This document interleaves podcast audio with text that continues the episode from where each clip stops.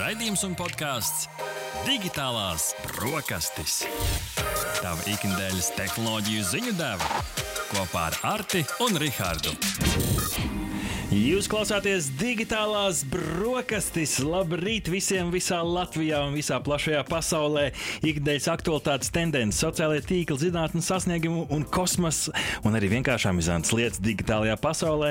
Tā ir tava ikdienas tehnoloģija ziņu deva. Un kā jau katru piekdienas rītu ar jums kopā pie digitālā brokastu galda šķīvjas pilda šefpavārs Artis, un man kopā tos baudīs tehnoloģija gurmāns Rihards. Labrīt, Rihard! Labrīt, Arti! Labrīt, klausītāji! Sveicam jūs šeit, gan tie, kas klausās mūsu Latvijas Rādio 1, gan arī Radio Naba. Sveicien arī visiem tiem, kuri klausās ierakstā. Un digitālās brokastis, kad vien vēlaties, varat baudīt populārākajās podkāstu platformās Latvijas Rādio arhīvā LSM.CLV, Naba LV, kā arī Latvijas Rādio YouTube kontā. Šodienas 14. janvāra raidījums tiks servēts trīs porcijās. Pirmajā daļā - ikdienas tehnoloģiju ziņu tops, otrajā parunāsim par aizraujošo Jamesa Weba teleskopu un trešajā Bose Sleepbuds 2 miega austiņu apskats. Sadarbībā ar LSM.CLV Instagram kontu katras nedēļas sākumā digitālās brokastis vaicā tev vairākus jautājumus gan saistībā ar aizdītās nedēļas ziņām, gan ar šīs nedēļas interviju. Un, Rihard, mums bija divi jautājumi šajā pirmdienā tieši saistībā ar aizdītās nedēļas ziņām. Tur mēs diezgan daudz stāstījām par to, ka dažādi arī televizori un citas platformas iet uz spēļu straumēšanu, mākoņu spēļu serveros, respektīvi, tev nav vairs jāpērk savu konsoli, bet tu vari vienkārši pieslēdzot pulti pie televizora, jau spēlēt patiešo. Līdz ar to vaicājam tev, mūsu sekotājiem, mūsu klausītājiem, vai tu savus video spēles pērc vai izīrē. Izmēģināšanai tiešais platformās, jo šobrīd ir šādi servisi pieejami, tas pats Xbox Game Pass, PlayStation Plus, EA Origin, uh, Stadia un tā tālāk. Un, Rihard, kādi ir rezultāti? Jā, nu, izrādās, ka tomēr absolūtais vairākums, ja 79% no LSM Instagram um, nu, sekotājiem, kas atbildēja šo aptauju, uh, saka, ka viņi tomēr joprojām pērk spēles. Nu, tas nozīmē, ka tas var būt disku formātā, dodas uz veikalu un iegādājas vai pasūta konkrētu CD, un tad liek iekšā to savā konsolē. Nu, iespējams, arī kā citādi vēl pērk šīs spēles. Digitālā versijā. Digitālā versijā jā. visticamāk, mm -hmm. bet tomēr lielākais vairums pērk, nevis īrē. Nu, tad, tad droši vien iesakām mūsu klausītājiem arī aplūkot iespēju izīrēt, un tad jau saprast, nu, kurš no tiem variantiem jums ir visērtākais. Otrs jautājums bija saistībā ar ziņu par to, ka aizdītajā gadā liela daļa dažādas populāras seriālus cilvēki joprojām lejup ielādēja torrentu formātā nelegāli, zaga, nevis skatījās tās platformās, kuros tos rādīja legāli. Līdz ar to mēs ar tādu mazu piezīmīti, ka tā ir anonīma aptauja, prasījām diezgan tieši jautājumu, vai tu pēdējā gada laikā esi torrentos lejup ielādējis kādu filmu vai seriālu, cik tad godīgi, Rihardi, to. Nu, jā, atkal ņemot vērā tos cilvēkus, kuriem seko LSM Instagram kontam, nu, pusi uz pusi var teikt. Tātad nu, atzinās 47% no klausītājiem, teica, jā, es esmu nelegāli lejupielādējis kādu filmu vai seriālu. Savukārt 53% teica, nē, nē, esmu acīm redzot, vai nu abonē kādu no lielajiem servisiem, nu, vai arī varbūt nemaz filmas un seriālus neskatās, vai izmanto virzemes televīzijas vai kādas citas televīzijas pakalpojumus, kur arī var, protams, vērot gan filmas, gan seriālus. Nu, tāda mums aptauja saistībā ar nu, filmu un uh, seriālu zakšanu.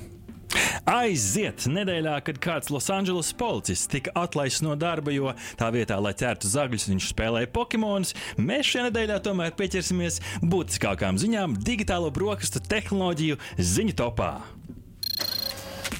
Ziņa numur viens. Rihards, ziņa numur viens karstā ziņa šajā nedēļā vēl ir nedaudz atpakaļ skatu 21. gadā. Iespējams, nedaudz satraucošs vai vismaz ziņa, kas liek pārdomāt arī savus ikdienas paradumus. Tātad mobilo tālruņu lietotāji pavada vidēji 4,8 stundas dienā, raugoties savā vietālrunī. Tā liecina mobilo tehnoloģiju izpētes kompānijas AppAnī pētījums. Tas ir, Rihards, starp citu, par 30%, jeb par trešo daļu vairāk nekā 2019. gadā. 70% interesanti no vietālruna atvēlētā laika ir pavadīti tieši sociālo tīklu platformās, kur numur viens platforma tādā ziņā ir bijusi TikTok.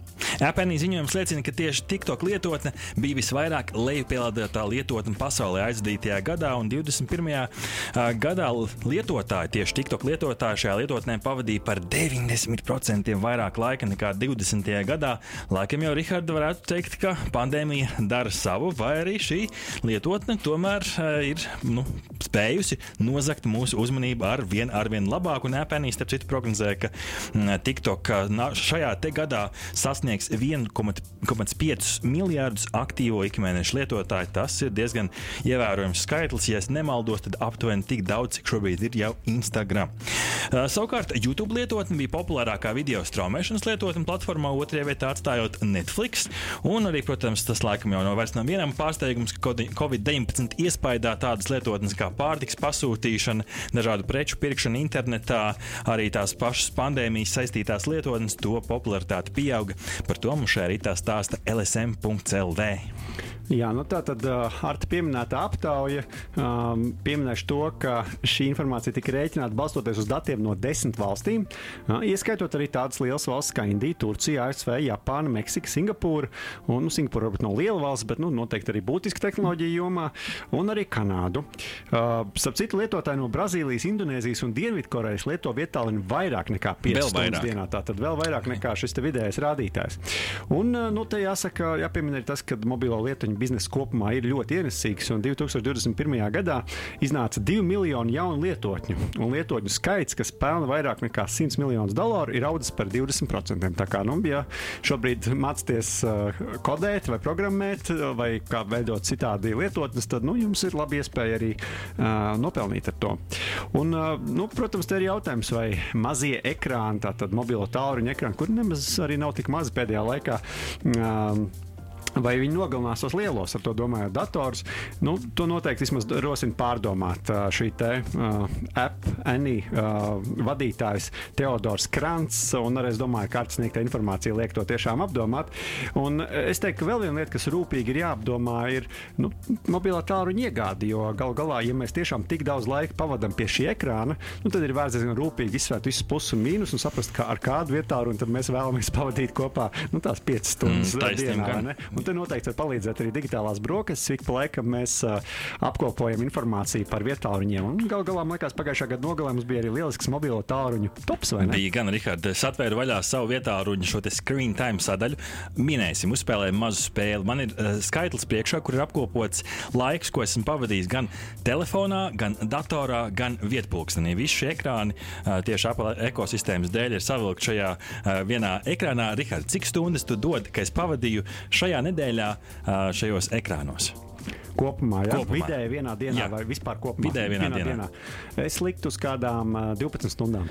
Nu, tu biji ļoti precīzs savā vērienā, bet ne tik precīzs minējumā, desmit ar pusi stundas. Bet Līdz ar to desmit ar pusi stundas dienā. Tas tomēr Jā. ir daudz, ņemot vērā, cik mums stundas pavadām patiesībā nomodā. Līdz ar to šis tev komentārs par ierīču izvēli patiešām ir trāpīgs. Jūs gribat dzīvot ar ierīcēm, kas jūs patiešām padarīs laimīgus, ja jūs tiešām pavadīsiet ar tām tik daudz laika. Divi. Otrā ziņa šajā rītā digitālajās brokastīs eh, no auto pasaules. Jo šeit kāds 19 gadus vecs IT speciālists vārdā Davids Kolumbo savā Twitter kontā pavēstīja, ka viņam ir izdevies pārņemt teju vai, pilnī, teju vai arī pilnīgu kontroli pār 25 Tesla markas elektroautomašīnām 13 dažādās valstīs. To lietotājiem par šo incidentu nemaz nezinot. Kolumbo gan uzreiz pasvītroja, ka piekļuve nav gan Tesla programmatūras, bet gan pašu lietotāju varbūt tādas paviršās attieksmes pēc dažādu drošības parametru iestatījumiem, kas ir novedis pie šiem incidentiem. Lai gan Kolumbo neatklāja, kā paveikt šo digitālo Tesla automašīnu okupāciju, viņš apgalvoja, ka spējas gan noteikt precīzi auto atrašanās vietu, atslēgt to drošības sistēmas, atvērt durvis un logus, kā arī pilnā skaļumā spēlēt mūziku vai kādus YouTube video. Deivids gan ar tām nav spējis attālināt braukt, taču to fiziskā nozagšana, nu, loģiski, to var atslēgt drošības sistēmas, būtu pavisam vienkārši ņemot vērā, ka viņš arī zināja, kurā vietā šīs automašīnas atradās. Tesla jau izmeklējot šo konkrēto incidentu, kā ziņo techspot.com. Jā, nu Kolombo vismaz pirmšķietami liekas, ka ir baltais hakeris. Tātad nu, neizmanto šo informāciju ļaunos nolūkos. Nu, jo par šo trūkumu viņš ir sniegšot detalizētu ziņojumu nevalstiskai organizācijai. Nu, es nezināšu, kā precīzi izrunāt, bet mitra šķiet, jā, kas iestājas par drošības risku novērtēšanu un arī novēršanu. Un, nu, šajā gadījumā no digitāla brokastu puses mēs varam tikai un vienīgi vēlreiz jums atgādināt, ka nu, ir, ir vērts pievērsties savai uh, interneta un arī viedierīču lietošanas higiēnai un regulāri mainīt paroles, uzstādīt divu soļu autentifikāciju un tādā veidā arī nepazaudēt sensitīvos datus. Jo, kā redzams, nu, tas var arī atstāt gan nopietnas sekas. Nu, labi, ka Kolombo Deivids ir, ir, ir salīdzinoši nu, pozitīvi noskaņots un cenšas ar šo iespējams novērst arī kaut kādas nākotnes problēmas. Ziņa numur 3. Tehnoloģija uzņēmums Garmin ir nācis klajā ar Venu 2 Plus vietu pulksteni, kas no līdzinējiem atšķirās ar to, ka tam būs balss funkcija, jeb šo balss asistenta sadarbība. Tā ļaušot gan atbildēt uz zvaniem, sūtīt īsiņas, un no vietu pulksteņa arī sarunāties ar balss asistentu. Un tas, kas varbūt šeit ir īpaši, ja, nu, piemēram, Apple Watch sadarbojās ar Siri un to sarunāties ar Siri, uh, Samsung, viņiem ir Bixbīs, nu, dažiem citiem uh, brandiem ir uh, Google Assistant, tad uh, pirmšķietami, un šo arī pārbaudīju, uh, tad šis te vietpulkstenis spēj sadarboties ar to asistentu, kas ir iestatīts kā galvenais tavā telefonā, ja tas ir vai nu Siri, Google Assistant vai Bixby, kas ir interesanti. Tas noteikti ir tāds retums šobrīd, un gribētos patiešām redzēt, cik tad sadarbspējīgs tas ir klā, nu, reālā, reālā darbībā un cik daudz tas var uh, panākt. Vai viņš tiešām vienkārši nu, padod patiešo šo asistentu, vai arī padod tam kādus kontrolas. To būtu interesanti kādu dienu arī notestēt, bet, ja patiešām tas ir tik labi, cik izklausās, mm, tad tas ir papētīšanas vērts. Klasiskāks piedāvājums, starp citu, un kas arī ir interesants risinājums, ir Vivo Move Sport, kas piedāvā jau ierastas šīs te vietpulksteņa funkcijas, gan teikt, tādā vienkāršākā formātā, taču paslēptas zem klasiskas ciparnītes. Šie rādītāji patiešām ir fiziski tie kustās, bet tajā brīdī, kad tu uzspēd uz ekrānu un apskaties kādas, nu, iespējams, rādītājus, ne, neko daudz jau tur nevar redzēt, tad šie rādītāji pavēršas horizontāli pret 9 un pret 3, un zem šiem rādītājiem apakšā ir iestrādāts digitālais ekrāns. Tādi interesanti jaunumi, Rihards, no Garmin. Jā, nu, no manas puses jāizceļ, ka Venu 2 plus vietpunkts savā ziņā lauž Garmin ikonisko melnbalto ekrānu gājienu ar krāsainu AMOLED ekrānu. Un tajā, pa- tajā pat laikā viņš sola, ka tā 9 dienas baterija varētu uh, turēties, kas, protams, ir gana daudz. Tas ir daudz, jo Huawei GT2 pulkstenis izceļas ar diezgan iespaidīgu bateriju. Arī Samsung uh, Watch arī vairākas, uh, nu, tur gan vairāk kā dienu bet nu, savā ziņā beidzot šis pulkstenis ir vērtējums tieši tādā pašā kategorijā kā pārējie lielie zīmoli. Nu jā, un manuprāt, arī krāsains ekrāns ir tas, ko daudz gaida. Tagad Jā. jā. jāpiemina, ka šis nav pirmais, protams, krāsainais ekrāns no Garmin puses, bet noteikti tas palīdzēs vēl vairāk sasādīt konkurenci arī, arī citiem ražotājiem. Ziņa numur 4.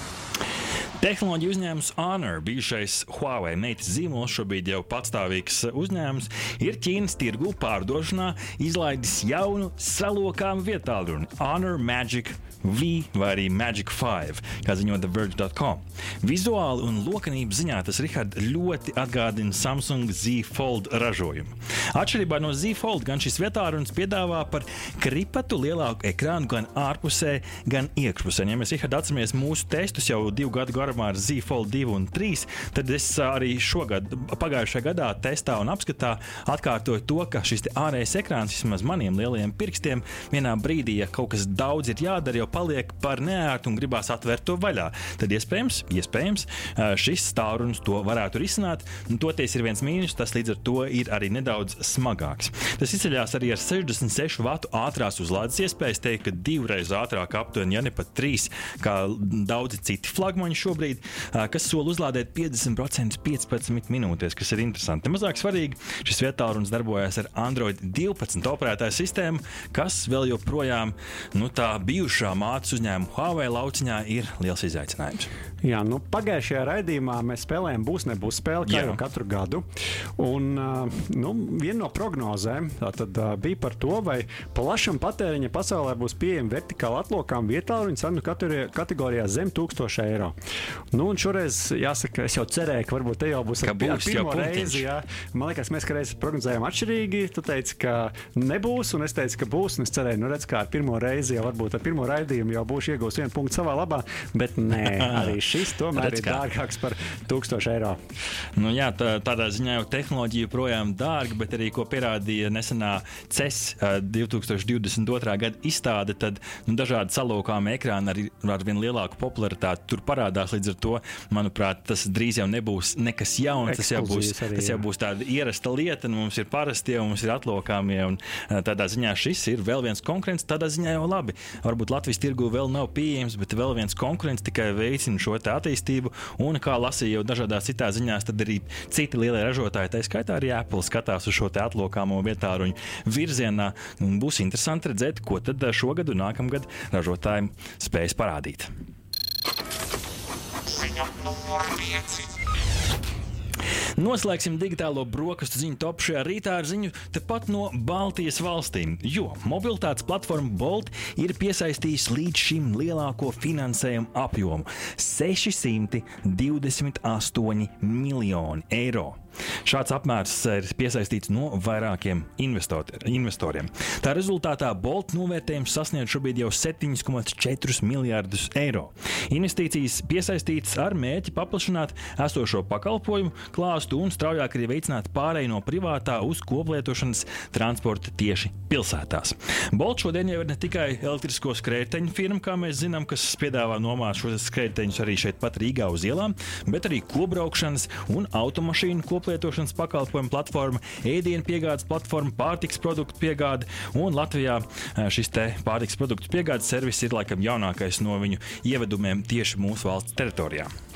Jā, nu jautājām arī Bolt par to, kad tad Latvijā būs Bolt Drive. Jeb šo automašīnas koplietošanas pakalpojumu. tieši tā, tieši mm -hmm. tā. Un, ja tas vēl pie mums nav pieejams no, tieši no Bolt puses, kaut arī ir daudz citi, kas to uh, nodrošina Latvijā šobrīd jau. Uh, bet viņi mums atbildēja, ka automašīnu koplietošanas uh, pakalpojums Bolt Drive, kā pilotprojekts pagājušajā gada maijā, tika ieviests Igaunijā, tātad mūsu kaimiņu valstī.